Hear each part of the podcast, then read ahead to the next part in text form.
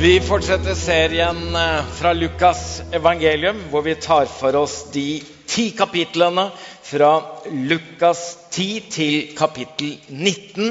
Vi har lagd en bibelleseplan, og vi har levert noen nøkler som hjelper oss ikke bare nå, men alltid når vi leser Bibelen. Vi har kalt det de fire ord. Det betyr at vi leser ordet og så observerer vi de som hørte, og de som opplevde dette for første gang, hvilken kontekst de var i. Så spør vi hva dette betyr for oss. Og så retter vi blikket og sinnet oppover og ber til Gud om at det vi nå har lest, det vi har observert, og det vi nå har skjønt, berører oss. At det må leve i oss og virke i oss og gjennom oss. Det er fint. I kirkeåret befinner vi oss nå i det som kalles fastetiden. De 40 40 fastedagene fra askeonsdag til påskeaften. Og vendepunktet i denne serien om veien til Jerusalem det ligger jo i Lukas 9, vers 51, hvor det står da, kom, da tiden kom og Jesus skulle tas opp til himmelen, vendte han ansiktet mot Jerusalem. Det var dit han ville dra.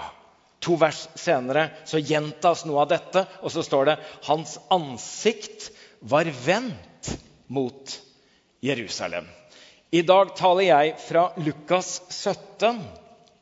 Og I Lukas 17 finner du også dette uttrykket om denne reisen, denne veien til Jerusalem. På reisen til Jerusalem. Når begynte den? Ja, Vi kan selvfølgelig si at den i Bibelen, i evangeliene, begynte i Lukas 9. Men, men den begynte lenge før. Den reisen har vært planlagt i Guds hjerte siden tidenes morgen. Jesus visste hvor han skulle. Han visste hva han skulle, og han visste hvorfor han skulle dit. Den reisa den var veldig, veldig godt planlagt. Lukas 17 består av fire, eh, flere avsnitt som har litt forskjellig fokus. Så hvis jeg skulle tatt alle disse avsnittene, så hadde vi havna i mange retninger. Så vi må gjøre noe valg. Men jeg skal likevel prøve å gi en slags oversikt over hele kapitlet. Det første avsnittet det er vers 1-4, som handler om forfølelser og tilgivelse. Det blir fokus i kveld. Og så fra vers 5 til vers 10 så hører vi apostlene spørre Jesus åh, gi oss større tro. Kan ikke du hjelpe oss å gi oss større tro? Så svarer Jesus litt overraskende at hvis dere har tro som et sennepsfrø, det er det minste av alle frø. Så det er ikke troens størrelse, men det er hvem vi tror på, som er det avgjørende. Og så reiser jo Jesus da fra, fra, Galilea og sørover til Jerusalem, i skjæringspunktet mellom Galilea og Samaria.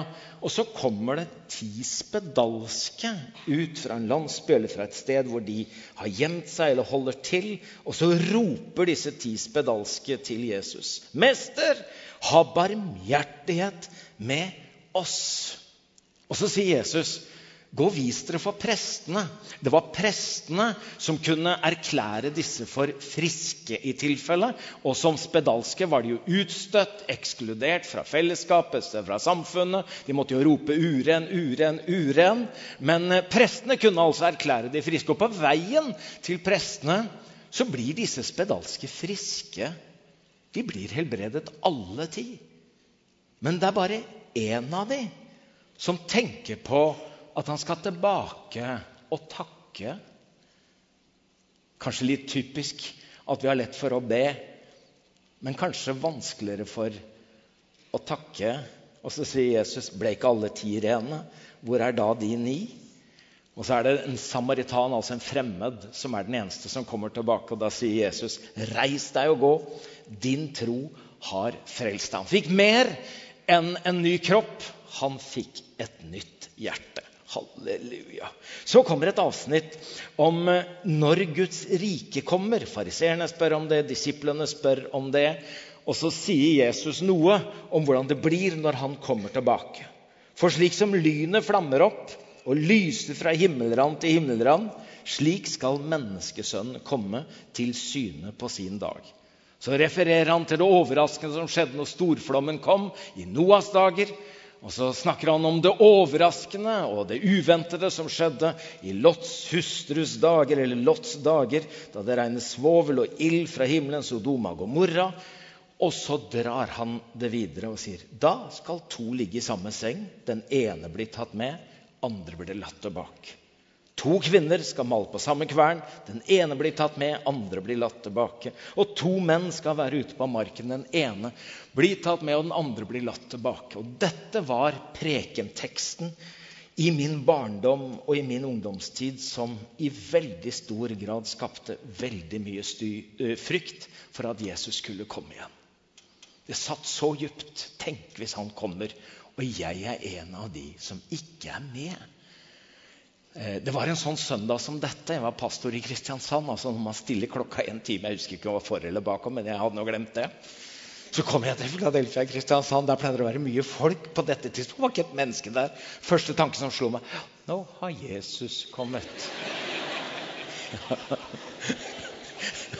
Og så ble jeg så lykkelig at jeg heldigvis hadde blitt så moden i troen etter hvert det er greit å bli det som pastor. At det slo inn sekundet etter. Nei, det har han ikke. For da hadde jeg vært med. Og så tenker jeg at den teksten er så vanskelig at jeg lar den ligge. For jeg har gjort et valg litt ut ifra den tida vi er, at vi er i fastetid. At vi er på denne veien til Jerusalem. Og Derfor så har jeg lyst til å ta dere med til de første versene, de første fire versene. Og Det begynner sånn. Vi leser gjerne Jesu navn sammen. Han sa til disiplene sine.: Det er ikke til å unngå at forførelser kommer, men ved den som de kommer fra. Det ville være bedre for ham å bli kastet i havet med en møllestein om halsen enn at han skulle lokke en av disse små til fall. Ta dere i vare. Den er kraftfull, folkens. En møllestein om halsen. Og det sies at de gamle kragene til prestene skulle minne dem om dette. Husk, du har en møllestein om halsen.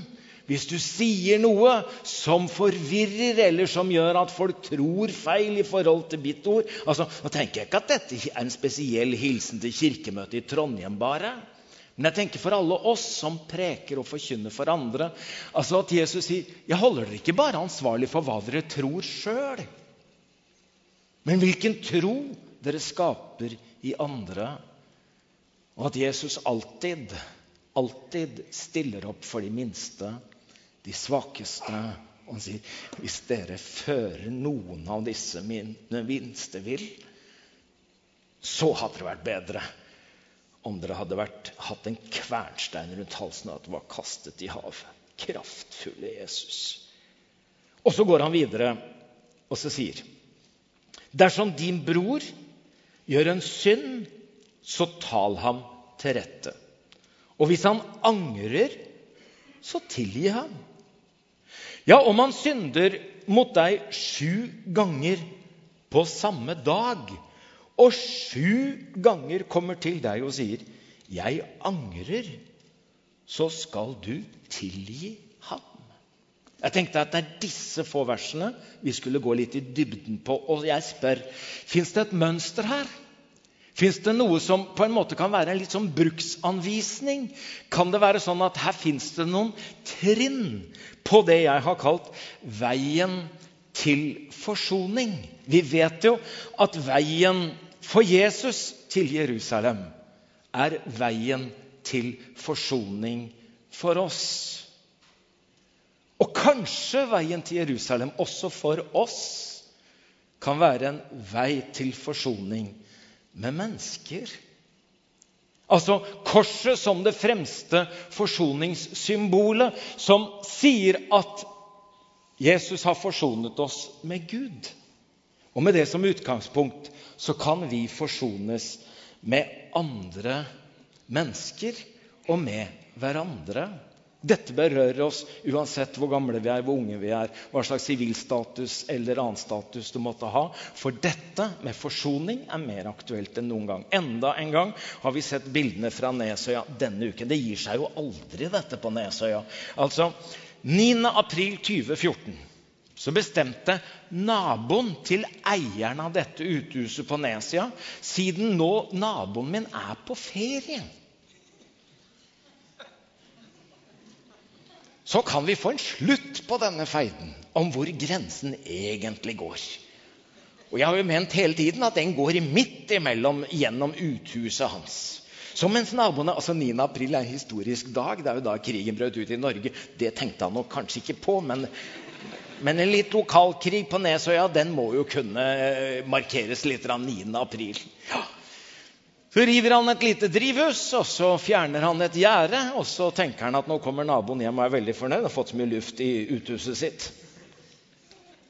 Så blir han jo dømt selvfølgelig for dette. Hvem kan ta seg til rette? Borgating lagmannsrett dømmer han til 120 dagers fengsel pluss erstatning og så anker han selvfølgelig til Høyesterett. Også akkurat denne uka da, så bestemte det utvalget som vurderer om noen skal få lov å få ny behandling i Høyesterett, de avviser denne anken. Så denne naboen som har tatt seg til rette, han må altså sone sine 120 dager i fengsel og betale over 650 000 i erstatning. Jeg syns det er en litt sånn tragisk sak, men med ganske komisk skjær. Fordi for meg er dette bildet så mye mer enn et bilde av et uthus. For meg er dette mye mer enn et bilde om naboskap. Vi vet at mange ekteskap ser sånn ut. Mange vennskap ser sånn ut. Mange fellesskap ser sånn ut. Vi fant ikke veien til forsoningen. Nå består jo ikke livet av skap. Men mange Ja, kanskje du syns sånn ser jeg ut. Når denne relasjonen røyk, når det gikk i stykker, så gikk jeg i stykker. Når de gikk fra hverandre, når vi gikk fra hverandre, så gikk noe fra hverandre inni meg. Og først Jeg tenkte at vi kunne se om det fins fire eller tre steg, tre trinn, på veien til forsoning. Tenkte å si litt om erkjennelse av sår og skyld, litt om omvendelse i anger og bot, og gjenopprettelse ved bekjennelse og tilgivelse. Henger dere med, folkens?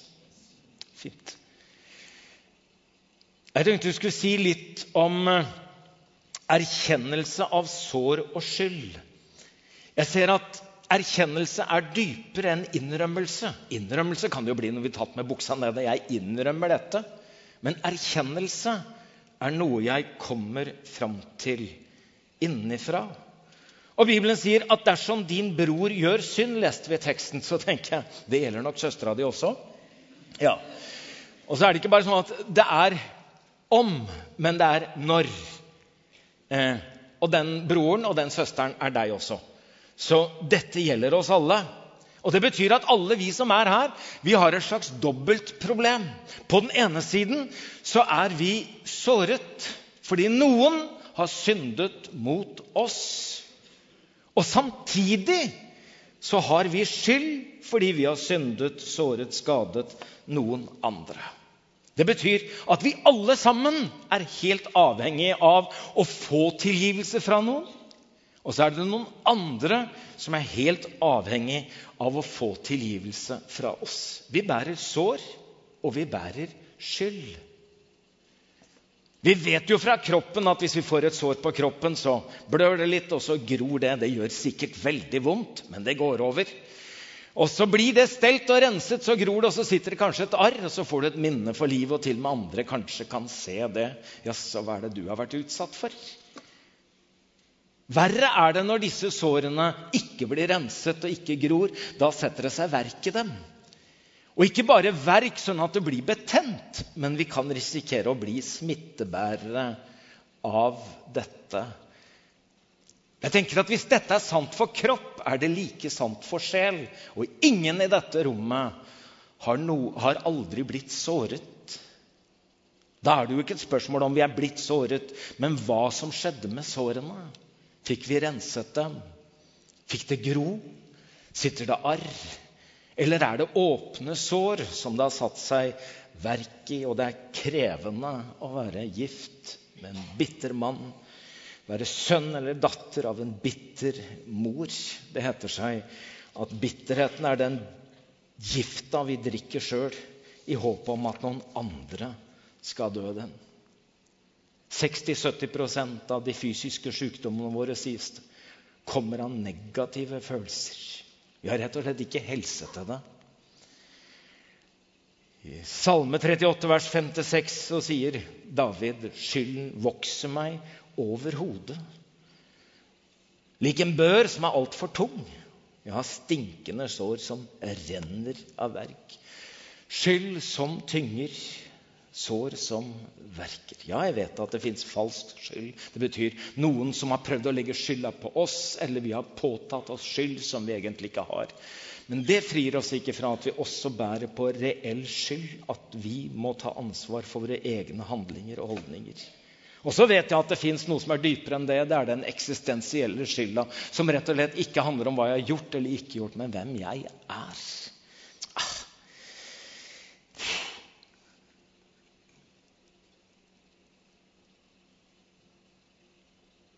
personlighetstrekk. Hvem jeg er som ektemann, hvem jeg er som far, som kollega. Skyld som tynger, sår som verker. Jeg har ikke hatt behov for å være med i Anonyme alkoholikere, men jeg har fulgt en person dit jeg beundrer at de tar eh, rehabiliteringa så på alvor. Tolvtrinnsprogrammet. Punkt 8 sier vi satte opp en liste over alle dem vi hadde gjort vondt mot, og ble villige til å gjøre alt sammen godt igjen. Punkt 9. Vi gjorde opp med disse menneskene når det var mulig å gjøre det uten å skade dem eller andre. Punkt 10. Vi fortsatte selvransakelse, og når vi hadde feilet, innrømmet vi det uten å nøle. Vi har et dobbelt problem. På den ene siden bærer vi sår, og på den andre siden bærer vi skyld. Og så er det fantastisk at Gud gir oss et løfte. Velsign Herren min sjel, og glem ikke alt det gode Han gjør. Han tilgir all din skyld og leger alle dine sykdommer. Step 2. Omvendelse i anger og bot. Omvendelse, det ordet bruker jeg. Ikke veldig ofte, men av og til. Anger og bot, derimot, det er nesten ubrukt fra min side. Så jeg tar igjen nå. Ordet anger kommer egentlig av et gammelt norsk ord for hav og det norrøne ordet for fjord. Derfor har vi fått sånne norske ord som Stavanger, Hardanger, Geiranger, Høyanger. Da kan du bare se for deg et sånt opprørt hav, og så tenker du kanskje det er det anger egentlig er. at det inni meg. Og Jesus han bruker det ordet når han sier dersom din bror gjør en synd, så tal ham til rette. Og hvis han angrer, så tilgi ham. Ja, om han synder mot deg sju ganger på samme dag, og sju ganger kommer til deg og sier 'Jeg angrer', så skal du tilgi ham. Anger. Det betyr også omsinne, eller å tenke om igjen. Det er rart at så mange mennesker sier 'Jeg angrer ingenting'. Og det er jo ikke bare de få som sier det. Nei, det er de fleste som sier det. Det er blitt et slags slagord. Ja, 'Jeg angrer ingenting'. For hvor skal jeg gjøre av den angeren, da? Hva skal jeg gjøre hvis jeg angrer? Hva betyr det? Er det et friskhetstegn eller er det et sykdomstegn at så mange tenker at nei, vi angrer ingenting? Politikere de kan beklage, men, men angrer de? Pastorer de kan legge seg flate og be om unnskyldning, men, men angrer vi egentlig? Hva er anger, og hvorfor det? Jeg tror at anger er en slags indre rettergang, en slags indre domstol, hvor jeg ikke blir pålagt anger, for det kan ingen pålegge meg. Nei, Men jeg er både anklager og jeg er forsvarer, jeg er dommer, jeg er bøddel og alt på en gang. Men når denne rettergangen har pågått en stund, og jeg kommer fram til at jeg er den skyldige, da kommer det noe som heter anger. Og det kan hende, det kan hende at hvis vi hadde kommet fram til det gjennom anger, at vi kunne blitt spart for en hel del ting. Les. I 1. Korinterbrev 11, 31-32 hadde vi bedømt oss selv, hadde vi unngått å bli dømt. Men når vi blir dømt av Herren, blir vi rettesatt for at vi ikke skal bli fordømt sammen med verden. Anger. Kanskje det er helt nødvendig for at det skal bli forandring. Altså det å komme og be om tilgivelse for den samme saken sju ganger på én dag. Hadde det ikke vært bedre at det ble en endring? Og kanskje denne angeren er nødvendig for at det skal bli forandring? Ja, angeren kan ta oss litt ulike veier. Peter nektet, fornektet Jesus, og det står at han gikk ut og gråt bittert.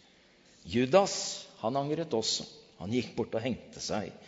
Men det må finnes en vei hvor angeren ikke tar oss inn i mørket, men inn i lyset. Hvor angeren ikke tar oss bort fra Gud, men angeren fører oss til Gud. Apostelens gjerninger 3 sier Angre derfor, og vend om.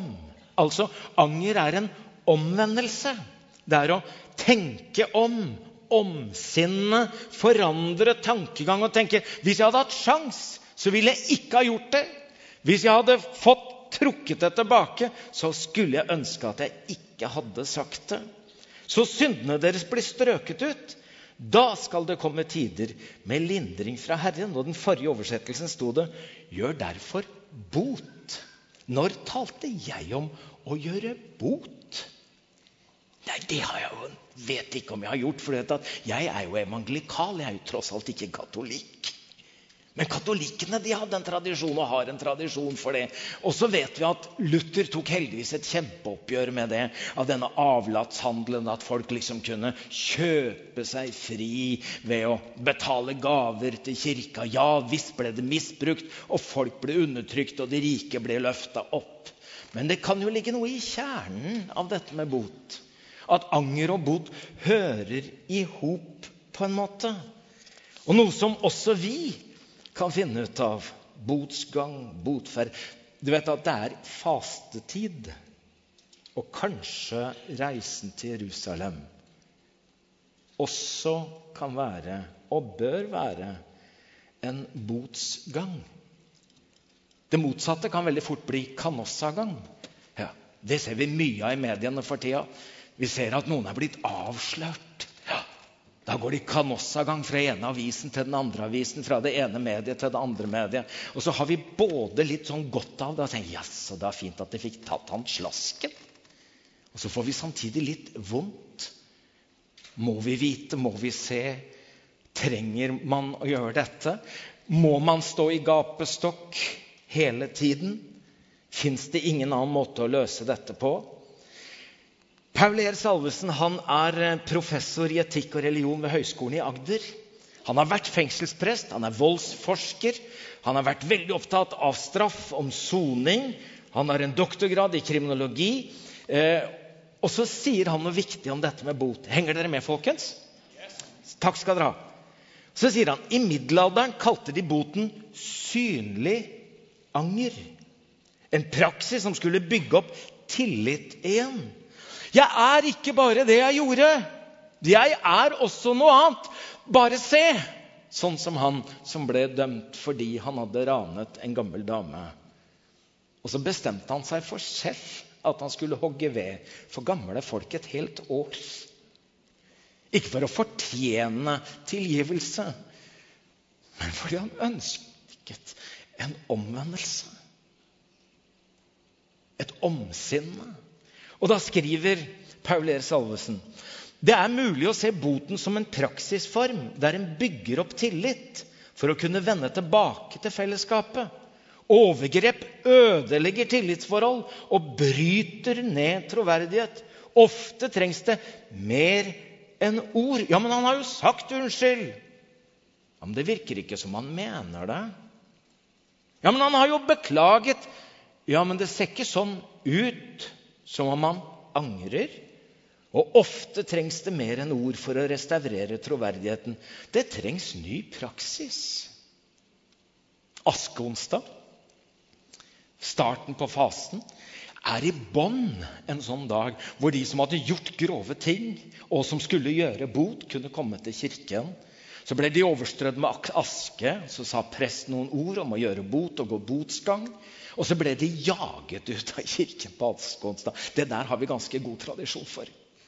Ja, Det der kan vi egentlig. Jage folk ut av stillinger både i fotball og i Eh, ja, det, var jo, det, var jo, det vet vi jo ikke ennå. Men, men eh, det der er vi gode på! Og det har vi historie på. Det vi ikke har historie på, det er hvordan hjelpe folk tilbake. Å avdekke og avsløre og dømme og fordømme, det kan vi. Men å frikjenne eller å frigjøre, løfte fram og inkludere Vet du hva? Den som da skulle gjøre bot, og som hadde blitt overdrysset med aske, gikk botsgang i 40 dager. vet du hva? Kom tilbake på skjærtorsdag. Skjær kommer av ordet skir, det betyr rense.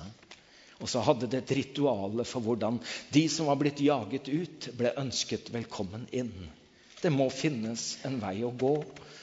Hvor det ikke bare handler om å gå ut, men å komme inn. Ikke bare bli sendt bort, men å bli ønsket velkommen hjem igjen. Jeg tenker at William Booth i Frelsesarmeen må ha tenkt noe sånn. Han jobbet jo med folk som sikkert hadde sittet på botsfengsel og fått massevis av bøter. Så han fikk ordna en slags botsbenk, og den skulle ikke stå bakerst, men den skulle stå fremst. Sånn at folk av alle slag, av alle typer, kunne vite det finnes en port, en vei inn i fellesskap. Både med Gud og med mennesker. En omvendelse i anger og bot. Tredje og siste handler om gjenopprettelse ved bekjennelse og tilgivelse. Det er jo Jesus som sier dersom din bror gjør en synd, så tall ham til rette. Og hvis han angrer, så tilgi ham. Men det fins ingen tilgivelse uten offer. Det koster. Av og til koster det så enormt. Ja, ja, jeg kan si 'jeg tilgir deg', 'jeg tilgir deg', det koster meg ingenting. Nei, men da er det vel ikke tilgivelse. For er det verdt tilgivelse, så snakker vi om et offer. Ja, For det må jo da alltid betales. Ikke i penger. Men det kan betales i følelser, kan betales i erfaringer. Altså, Hvem skal legge ut? Hvem skal ta regninga? For det å tilgi, det betyr egentlig at jeg sier Skriv det på min regning. Den kostnaden tar jeg. Jeg har alltid tenkt det. Gud, hvis du tilgir noen meg, hvis du tilgir meg for hva jeg har gjort med andre, da håper jeg det betyr at du sier at du skal gjøre opp for meg, så du ikke blir noen skyldige. Og Hvis jeg har bedt deg om tilgivelse for hva jeg har gjort mot andre, så ber jeg virkelig om at du også gjør opp og betaler prisen. Det fins ingen tilgivelse uten offer. Derfor må veien til Jerusalem for Jesus ha vært en lang vei. Han visste hvilket offer som skulle gis, og hva det kom til å koste, før han ropte på korset det er fullbrakt. Så kan vi veldig fort tenke at tilgivelse er for de store anledningene. Jeg husker en gang. Ja, jeg kommer på. Ja, Og det er fint. Men vi trenger det hele tiden. Martin Luther King sa tilgivelse er jo ikke bare en enestående handling, men en permanent innstilling. Ja. Det er altså ikke bare en handling vi gjør, men det er en vei vi går. Det er nesten sånn som vi har det hjemme. ikke sant? Jeg bærer søpla ut. da. Så tenker jeg ja, nå er vi kvitt den. Og to dager etterpå så er den posen full igjen. Er det mulig, dette? Og når jeg da putta ting i vaskemaskinen Turi, var synd at du var her, så kunne jeg vært litt mer frimodig på det bildet. Kjente jeg plutselig.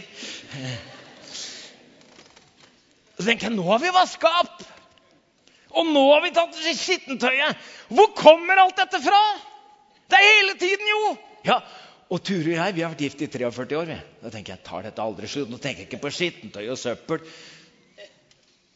Men skyld og tilgivelse og sår tar det aldri slutt. Nei, det gjør visst ikke det. Det er visst noe som pågår hele tiden, det der. Og hvis det tar slutt, så tar det virkelig slutt. 1. Johannes 1, 8-9 sier Sier vi at vi ikke har synd, da bedrar vi oss selv. Og sannheten er ikke i oss. Men dersom vi bekjenner våre synder, er Han trofast og rettferdig, så Han tilgir oss syndene og renser oss for all urett. Bekjenne betyr å si det samme som, altså å si det som er sant. Ikke unnskylde meg med at andre er verre, andre har gjort grovere ting. Men ta mitt ansvar. Det er min skyld. Jeg bekjenner det er min skyld. Noen ganger trenger vi en terapeut. Andre ganger trenger vi en sjelesørger. Men noen ganger trenger vi en skriftefar eller skriftemor. Noen vi har tillit til, som vi vet kan holde munn. Jeg må i all ydmykhet sitte og si her kommer oppvaska mi, her kommer skittentøyet mitt. Her kommer søpla til Egil Svartdal.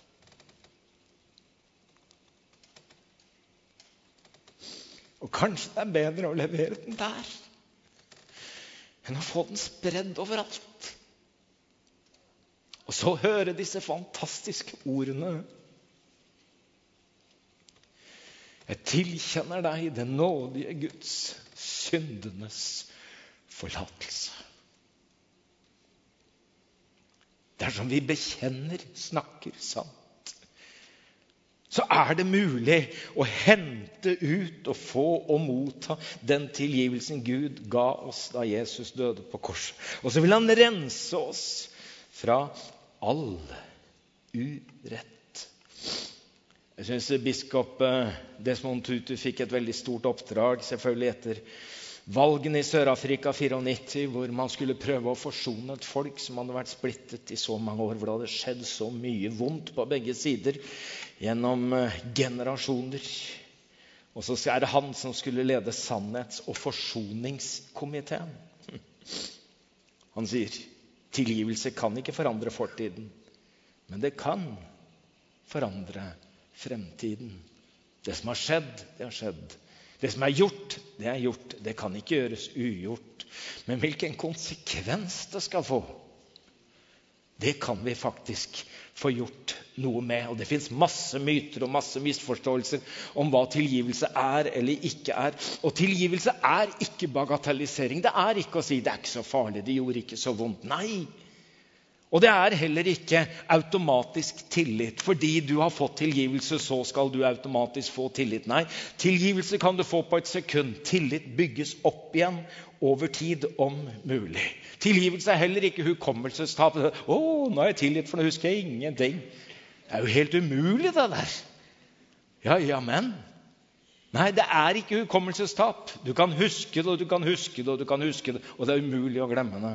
Men én gang en dag, over lang tid, så vil du kjenne at du kan huske det uten at det gjør vondt.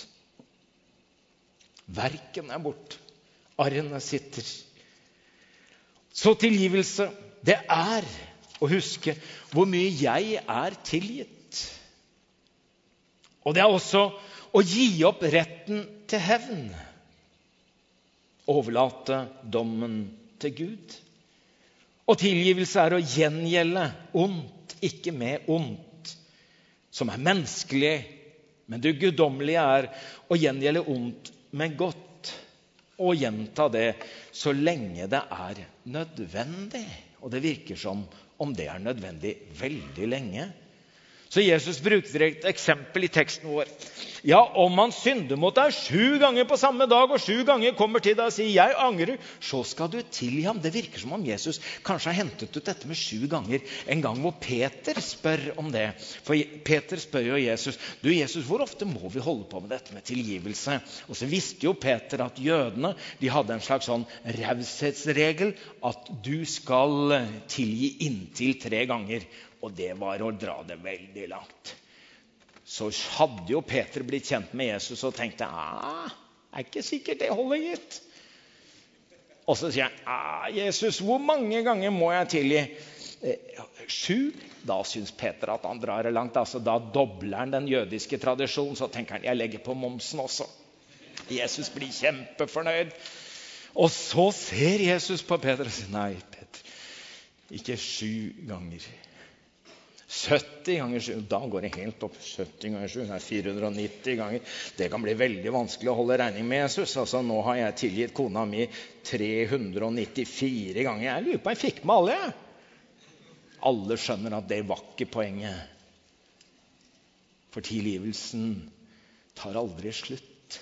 Det fins ingen grens. Det pågår hele tiden. Vi har et ubegrenset behov for både å gi og få tilgivelse. Men det har sin pris. Jeg var sammen med noen gode venner i jula. En av de Einar Nymoen. Han sa har du, har du, lest, har du sett om dette med kinsu kuroi? Jeg tror ikke han uttalte det riktig, han heller, for det er japansk. Men det betyr å reparere med gull. Og så var det jo historisk sett en eller annen som hadde en fantastisk urnekrukke, keramikkporselen, som gikk i tusen knas, eller iallfall i knas. Og Så ble han så lei seg for dette, for den var så flott og så var den så verdifull. Så sendte han den til dem som hadde laget denne spørsmål kan dere reparere den. Men når den kom tilbake, så så den jo ikke ut. Men ut av det startet en kunstgren det er at man kan sette bitene sammen og ikke gjøre skårene usynlige. Men man kan gjøre de synlige og vakre. Og så er det sånn at livet går i knas. Og noen ganger så blir vi knust. Og så tenker vi jeg er ødelagt. Jeg er ubrukelig. Men så går det an å sette dette sammen igjen. Ikke sånn at det blir sånn som det var. Men det blir noe nytt, og så blir det helt på en ny måte. Og så behøver du ikke i skam skjule alle sår og alle skavanker og tenke det der må ingen få vite. Men du opplever at du kan være frimodig og si se hva Gud har gjort. At han har satt meg i sammen igjen. Jeg som var knust, er blitt helt jeg som var i biter, er blitt en krukke til Guds ære. Vær gode mot hverandre. Vis medfølelse. Tilgi hverandre slik Gud har tilgitt dere i Kristus. Så finner vi en bro herfra og til nattverd. Og den broa det er lilaen som synger. At vi er båret til bordet. Carried to the table.